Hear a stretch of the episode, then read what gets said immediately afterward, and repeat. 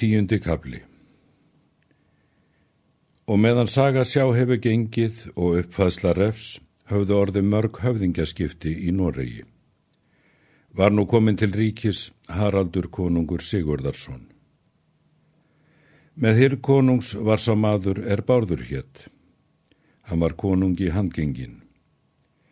Hann var á sömrum í kaupferðum til Ímisalanda, Íslands eða Vesturlanda og fór hann og þetta sömar er nú segjum verð frá býr hann skip sitt og ætlar út til Íslands.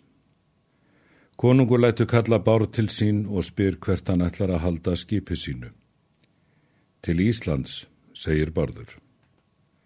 Konungur malti. Ég vil að þú farir öðruvís. Skaltu nú sigla út til Grænlands og flytt til vor tönn og svörð. Barður segir að konungur skildi ráða. Eftir það sildi Bárður á haf og tókst honum hið greiðasta. Kom hann við Grænland og fór til vistar um veturinn með Gunnari. Og er hann hafði þar verið um hríð, þá vekur Bárður til við Gunnar og spyr hvað satt var í því, er hann herði sagt, að einn íslensku maður hefði vegið fimm feðga á einu kveldi og hemt svo þess ílmælis er þeir höfðu kveikt um hann. Gunnar let haft til þessa nokkuð. Bárður spurði hvað af þessum manni er orðið. Það hyggjum við, saði Gunnar, að hann hafi týnst í hafi því að hann varð svo hrættur að hann leti hafi sjötta mann við vetur sjálfan. Bárður spyr hvað til hafi orðið með þeim. Gunnar segi nú slíkt er hann veit. Bárður malti. Allmjög undrast ég ef sá maður er sokki nýður og hefur þetta allmjög verið öll hans gæfa er hann komst úr höndum yður. Og þykir mér hún vonum bráðara við hann hafa skilist. Eða hafi þér leitað í óbyðir?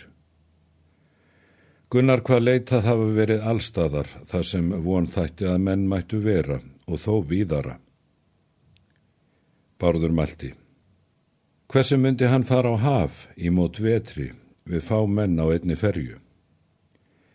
Ætla ég þér betra þykja að segja slíkt er ekki verður hemt Þorgils eða svona hans.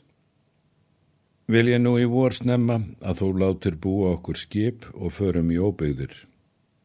Og ætla ég það víst, ef ég finn hann ekki, að sannlega sé hann týndur. Gunnar hvað svo vera skildu. Líðu nú af veturinn og þegar Ísa leisti bjögunnar ferð sína. Þeir höfðu ferju og á sjö menn. Þeir halda nú í óbyðir og leita í hvert leini vók og finn ekki það að þeim þykji sem mannavistir muni verið hafa. Bárður var manna skegnastur. Þeir koma aftan dags á eitt fjörð mikinn og krekti ímsa vega í landið. Og þar kom að hann bytti Þeir lögðu skipi sínum nóttina í víkeina. Bárður rær til landsabáti. Hann gekk upp á höfða þann er var við fjörðaminnið og litast um. Þá var ljós nótt. Vindgul lítið lág utan eftir fyrðinum. Hann sá hvar þangflota raku utan eftir og að botninum. Þá hvarf hann allur. Þetta undrar bárður mjög og gekk hann alltaf framanverðan höfðan. Hann sá hvar annar fjörður hóst upp, mikill og langur, og þar sá hann dal ganga upp að fjöllum fagran og mikinn. Hann gengur nú aftur til skipsins og leggst niður. Um morgunin spyr Bárður hvort þeir hafi kannad fjörðan allan. Gunnar hvað það vera.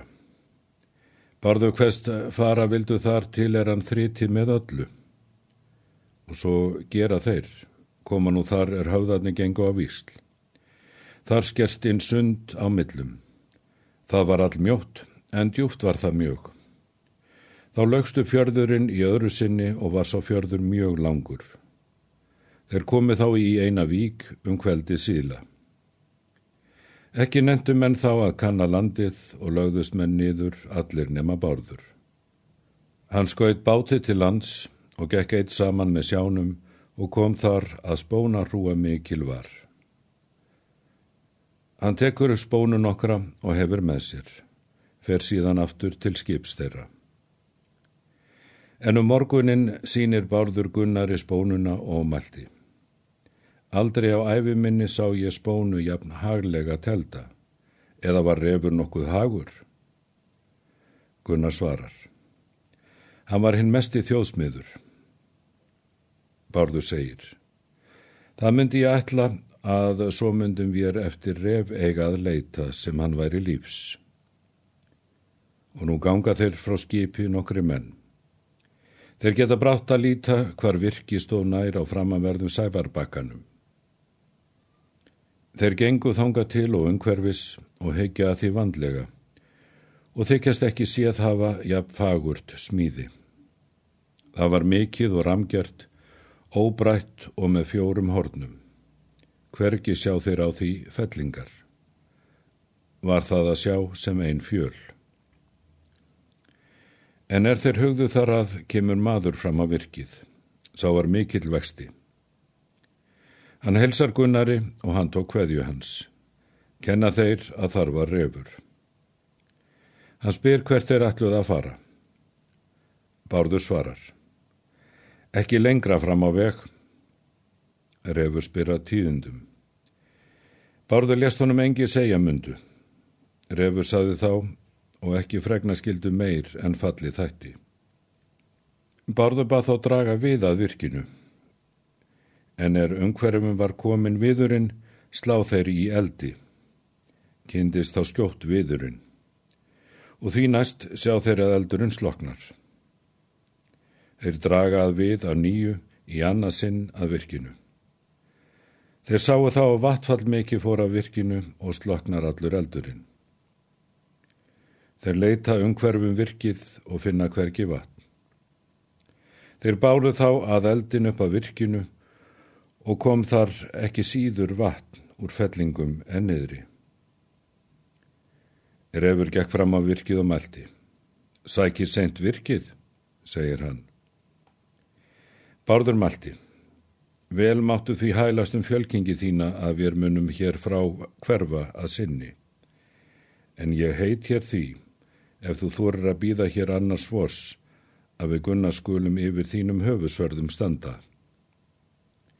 Refur Malti Ekki þér nýja grænlendingu verður þessu auðið að standa yfir með dauðum, þótt ég sé hér jafn marga vetur aðra nema þér njótiðiður vitrari manna við.